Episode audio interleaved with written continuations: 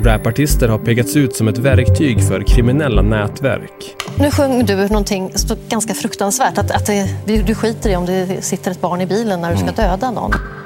Den svenska gangsterrappen är en kommersiell framgångssaga. Men de populäraste rapparna är dömda för grova brott och kopplas samman med det allt brutalare gängkriget. Ni bad oss om den här gangsterskiten Supply and demand motherfucker Made nigga music yeah. På en kvart får du veta hur debatten om gangsterrappen förändrats och hur vi ska förstå en genre där verk och person flyter samman. Att vi skulle sätta oss och granska alla texter, jag ser inte det som en lösning framåt. Det är tisdag den 2 november. Jag heter Alexandra Karlsson. Det här är dagens story från Svenska Dagbladet.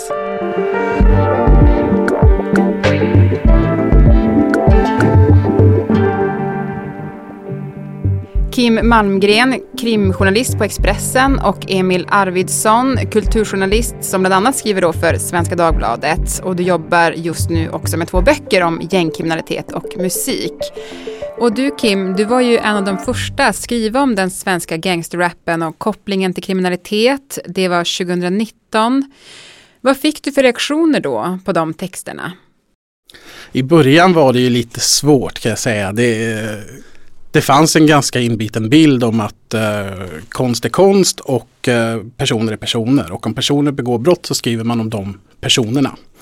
Så jag upplevde att de första publiceringarna var ju lite i motvind. Man fick många reaktioner av människor som Eh, man fick jämförelse med att man hade gått och blivit Sivert Öholm eh, och inte ville att man skulle ha då destruktiv kultur och så vidare. Det skulle jag väl säga har, har förändrats idag, men i början var det det narrativet. Hårdrock, ja det är den typ av rock som vi har läst rätt mycket om i tidningarna. Bland annat eh, det amerikanska bandet eh, W.A.S.P. We are Satans people, vi är Satans folk. Men Emil, just det här att, att skilja på verk och person, alltså hur viktig princip är det för kulturen? Det är ju en, en väldigt viktig och en, en eh, också väldigt traditionell princip att liksom man vill eh, helt enkelt skydda det fria uttrycket för alla olika typer av konstnärer. Det är på ett sätt helt logiskt. Men om man applicerar det på till exempel hiphopkulturen så är det lätt att det kan kännas daterat och att man kan hamna, hamna fel eftersom hiphopkulturen har nästan ända sedan sin födelse jobbat ganska hårt med att eh, sudda ut gränserna mellan verk och person. Och det här är inte något som hände 2019 i, i just Sverige. Utan det här, det här har ju pågått i decennier över, över hela världen. Så där, där kan man nog tycka att den kulturjournalistiska principen kanske inte riktigt passar det här ämnet. Rap lyrics are playing an increasingly prominent role in criminal cases. Hur ser kopplingen ut då mellan den svenska gangsterrappen och gängkriget? Vi kan väl säga att många av de största rapparna i Sverige har någon typ av koppling till olika kriminella nätverk. Det kan antingen vara att man är en fullständig medlem eller har en, en ledande roll i nätverket. Eller så kan det vara i det minsta laget då att man har vuxit upp tillsammans med människor som nu ingår i kriminella nätverk. Och att man har de personkontakterna så att säga. Eh, I många fall så ser vi att de, det här är människor som är dömda för brott. Det kan vara mindre grova brott. Det kan vara hela vägen upp till mord. Men det finns en koppling till gängkriminaliteten och gängkriminaliteten har ju vuxit markant de senaste åren. Vi vet till exempel från Encrochat förra året att i flera fall så är de här gängen mer organiserade än vad man har trott innan. I andra fall är de mindre organiserade. Men överlag så kan man säga att gängkriminaliteten och rappen den går väldigt liksom parallellt med varandra. Ja, berätta om den då, pistolreplikan. Vad sa du? Ja, precis. Eh, det är så att jag hade en musikvideoinspelning som jag skulle förbereda dagen efter som skulle spelas in under dagarna. Så jag behövde den här pistolreplikan. Idag är den svenska gangsterrappen en av de mest streamade genrerna i Sverige. Den växte fram underifrån och till en början till stor del på Youtube. Rapparna har inga traditionella skivbolag i ryggen och har inte heller behövt traditionell media för att bli stora. Musikmässigt är man influerad av hiphop-genren drill som växte fram i Chicago men som några år senare blev väldigt stor i Storbritannien.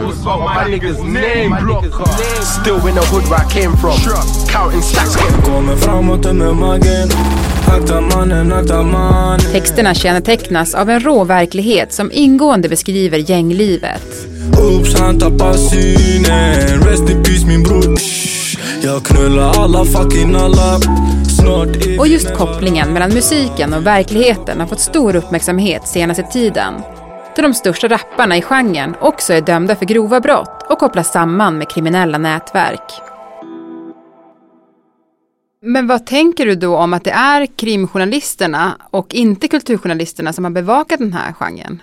Ja, då blir man ju bara eh, avundsjuk. Eh, Kredd till, till alla duktiga krimjournalister som har, som har gjort det här så bra i Sverige. Men jag känner ju också att det, det, det, det, finns ju en linje där. Det här är ju inte, det här är ju inte bara en fråga om, om krimjournalistik. Krimjournalistik är ju av naturliga skäl ganska, ganska rak, ganska, den kan vara ganska tom på sammanhang. Den, är, den, den beskriver saker som har hänt. Det är liksom, den, den hör till nyhetsdelen av tidningen och det är ju kulturjournalistikens uppgift att ge, ge de här sammanhangen, pröva, pröva de här diskussionerna och eh, just därför så tycker jag att det, det är liksom dags att komma igång med det.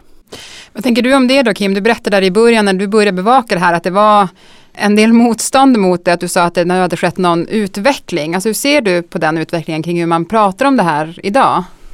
Jag tror att det har blivit, gått upp för fler människor i deras vardag att den här problematiken finns. Och då framförallt gängkriminaliteten och då kanske gangsterrappen som någon sorts spegel av den utvecklingen.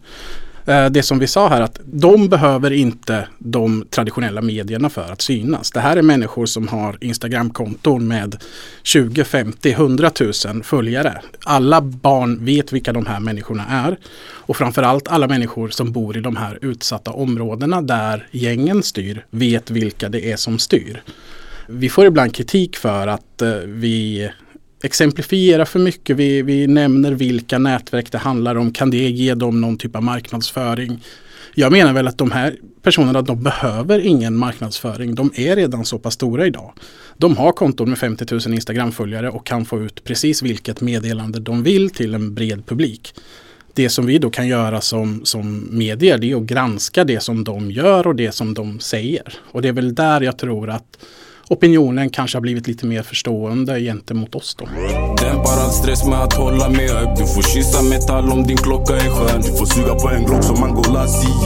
Det som finns på sociala medier idag det är någon sorts väldigt tätt knuten till rappen någon sorts gangstersåpopera. Där man vet vem som ligger i konflikt med vem. Man tolkar olika textrader som, ja vad det är ett litet nyp mot den här personen Exakt. och så vidare. Och när det då händer saker i verkligheten, som till exempel nu när Einar blir skjuten, mm. så börjar det bubbla direkt på sociala medier. Alla har sina egna teorier och det är ofta underbyggt av tidigare låtar, tidigare rättsfall som då har fått sitt eget liv på sociala medier. Mm. Precis, jag har skrivit en text för Svenskan just om hur, hur det ser ut på de här, på de här kontona. Och där, där kan det, det, det är ju en ganska stor blandning av information. Det ser inte ut som en vanlig tidning. Det är ju liksom Grabbar i bilen i en stad där mordet de ökar Tabbar de låter, Brorsan han sitter på Det är en snutt av en ny låt. Det är liksom en, eh, en väldigt känd rappare som går live. Bland annat såg jag Einar i en sån här live för bara några dagar sedan. Han satt och pratade flera timmar med sina fans om liksom väldigt ofiltrerat kan man säga. Och eh, ibland så, så plockar de här kontona in rapportering som till exempel Kims klipper ut ur Expressen och rapporterar exklusivt. och, eh, och ibland så är det en rappare som vill sälja två hundvalpar till en. Liksom. Det, det, är, det är en väldig blandning här. Jag tycker så här, var den du är. Var en gangster, var en rappare, var en bilmekaniker, var en kock, var vad du än är. Men vad det är, förstår du? Var, du behöver inte spela något du inte är. Nej. Förstår jag menar? Den, de här principerna, journalistiska principerna som vi jobbar efter finns ju inte där och det, det skulle nog vara bra om det fanns mer, om man nu får kalla det riktig journalistik, om den världen men också i den världen. Den skulle ju absolut bli läst tror jag. Men nu pratar man ju då jättemycket om gangsterrap som en del av gängkriminaliteten som ju är ett jättestort problem i Sverige idag. Men fokuserar man för mycket på musiken? Nej, det tycker jag inte. Jag, jag, tror att man behöver, ju mer påläst man är om detta, desto mer tror jag att man kan förstå kontexten. Tittar du bara på en låt eller på en textrad så är det nog svårt att sätta den i en rimlig kontext. Det är många som gör så på sociala medier som är arga på rapmusik. Tar en textrad, kastar ut den, titta vad hemskt det är. Men om man tittar på, på hela linjen så att säga. Man tittar på låtarna, man tittar på artisten, man tittar okej okay, vilken nätverkstillhörighet har den här, vilka rättsfall. Då framkommer en helt annan bild, en helhetsbild där rappen spelar stor roll. Det är liksom en marknadsföringskanal för de här människorna. Vi vet att de tjänar pengar på det också. Flera rappare har ju avtal med olika personer, noterbara i kriminella nätverk som får pengar av dem. Både i utbyte mot beskydd och något sorts liksom varumärkestänk. De är väldigt sammanflätande vill jag påstå om man pratar om underliggande orsaker och så, så är det ju väldigt lätt, och det har vi sett i debatter förut i USA och i Sverige tidigare, då är det väldigt lätt att fokusera för mycket på, på uttrycket istället för, för de underliggande orsakerna. Kunde vi mer om eh, eh, hiphopkultur i Sverige så skulle också fler personer här ha lättare att kanske, kanske tolka det här och sortera ut vad är, vad, vad är det som är musik här och vad är det som, är, vad är det som har, har med kriminalitet att göra. Den här glidningen mellan, mellan verklighet och musik är ju, är ju, liksom, eh, är ju alltid närvarande i hiphop. Jag, jag vill också flika in där att jag, jag ser inte rappen eller hiphopmusiken som som problemet här. Utan problemet är snarare att gängkriminaliteten och gängkulturen har blivit så stor att den har börjat använda rappare och rappen som, som en del i sin brottsliga verksamhet. Och det är där problemet ligger. Ja, det håller jag helt med om. Just användandet av musik som ett sätt för gängen att bygga sin kriminella identitet tas upp i en ny rapport från Stockholmspolisen. Om det traditionellt varit mc-gängens västar som förknippats med varumärkesbyggande i den kriminella miljön är det idag, enligt rapporten, musiken och musikvideos som fyller samma funktion. Den här debatten är rätt ny i Sverige men har diskuterats flitigt i andra länder. Ja, alltså den här kulturen som, som många, många subgenrer inom hiphopen startade ju i Chicago i USA. Där man har en lång tradition av olika typer av gangsterrap egentligen. Där har man också haft den här debatten väldigt länge. Så den, jag skulle inte säga att den är så himla mycket på dagordningen i USA just nu. Det här gängkriminalitet, vad rappare säger. Den har man liksom haft sedan 90-talet där. Däremot i, eh, i England, när just den här drillgenren började bli stor i, i Londons förorter, så var det många som reagerade. Polisen började jobba ganska liksom aggressivt mot, mot musiker slash gängmedlemmar då och började ja, men, jobba för att liksom få, få ner Youtube-videos där de menade att det fanns hot mot andra. Och det har till och med funnits fall där, där artister har eh, framfört en låt eh, live och, och fått liksom en villkorlig dom för det eftersom man anser att den här låten eh, innehåller hot mot andra liksom namngivna personer. Så att eh, vi, vi, tycker nog att vi debatterar det här mycket i Sverige men det är liksom bara en liten västanfläkt av hur, hur det pratas om, i andra, an, om det här i andra länder. Eh, målsäganden har ju själv inte velat berätta vad han har varit med om. Men han har, påstår jag, gjort musik om det han har varit med om. Eh, Ej fegisar, de hatar på en svenne. De hatar att se han i dessa gränder. Och även i Sverige så börjar ju rättsväsendet använda sig av eh, ja, men musikvideos eh, och även lyssna på texter i bevismaterialsyfte. eller hur Kim? Ja, vi har flera olika fall där man genom att analysera musikvideos har kommit fram till domar. Det finns ju det här väldigt uppmärksammade fallet där en 12-årig flicka blev skjuten i Botkyrka. Samma vapen och samma bil som användes vid det mordet användes också i en musikvideo. Och det var när polisen fick tag i råmaterialet till den musikvideon som man då lyckades eh, komma fram till att först döma folk för grovt vapenbrott och även så sitter det en hel radda personer häktade nu misstänkta för mordet som kommer att åtalas i början av nästa år. Och vad var det som gjorde att just musikvideon blev det avgörande där? Det som händer i musikvideon, eller i råmaterialet av musikvideon, det är att man kan se på några korta scener att en person repeterar ett vapen. Sen kula flyger ut ett vapen.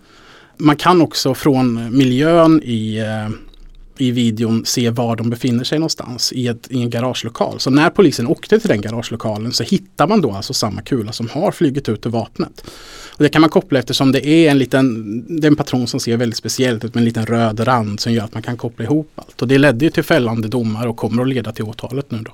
Så det är liksom tack vare att man fick råmaterialet från en musikvideo som man kanske kan lösa mordet på den 12-åriga flickan i Norsborg? Det var en väldigt viktig del ja. Hur tror ni att den här genren kommer utvecklas i framtiden då? Jag tror att den här genren kommer fortsätta växa. Hiphop förgrenar sig, förnyar sig hela tiden. Den låter annorlunda nästan månad till månad. Och jag hoppas att den kommer att eh, påverka liksom vår del av samhället, mediesamhället, det man kallar för det offentliga samhället eh, mycket mer. För, för det är ändå lite ironiskt att vi har här alltså världens globalt sett största musikstil. De svenska utövarna av den pratar om den politiska fråga som har varit allra störst i Sverige i flera år. Och när det nu händer ett sånt här fruktansvärt dåd, att en av utövarna blir skjuten, då, då är vi ändå på något sätt yrvakna och liksom tittar oss omkring. som att vad, vad, vad, var det som hände?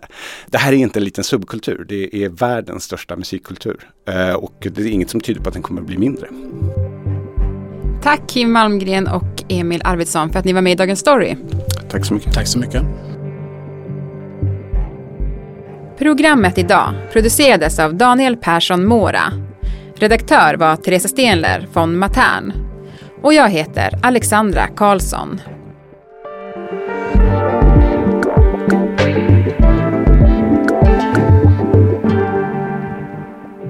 Klippen som hördes i dagens program kom från Sveriges Radio, SVT, PBS och Expressen. Och låtarna som spelades var Pistol Whip av Jaffar Byn, War Spelt Backwards av Reeks MB, Akta Mannen av One Cass och Mangolassi av Drelo och Owen.